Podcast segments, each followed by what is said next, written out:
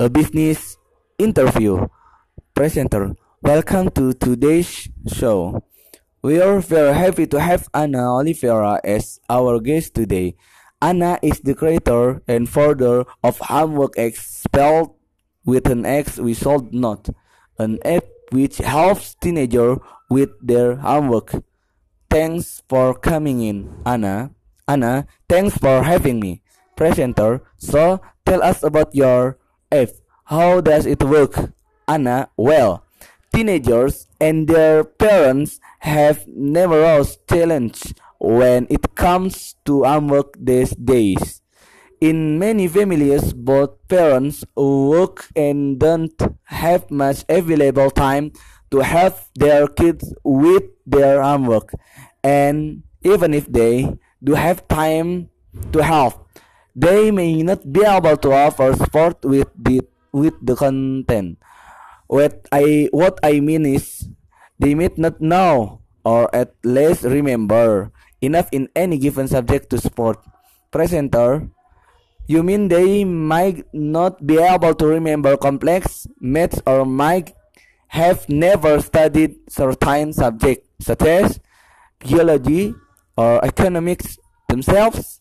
Anna, exactly. So they might want to support their children with their homework, but have neither the time nor the knowledge to do so.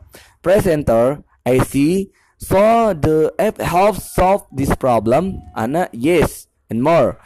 The next issue is that tutors can be expensive and there may be long waiting lists for specialist tutors in the town or region you live in.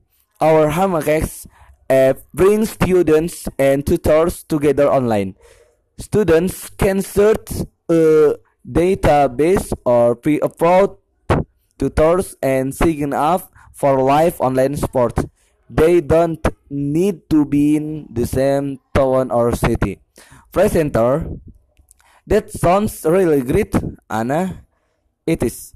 And this approach also enables us to offer the tutoring service at lower price, because there's no traveling time involved for the tutor to get the, to the student's home. And tutors who live in remote areas are happy to get access to more students and be able to work from home even at lower rates. Presenter, this all sounds great.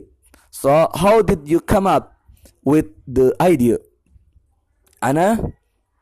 Well, as you might guess, I was one of those parents I described earlier.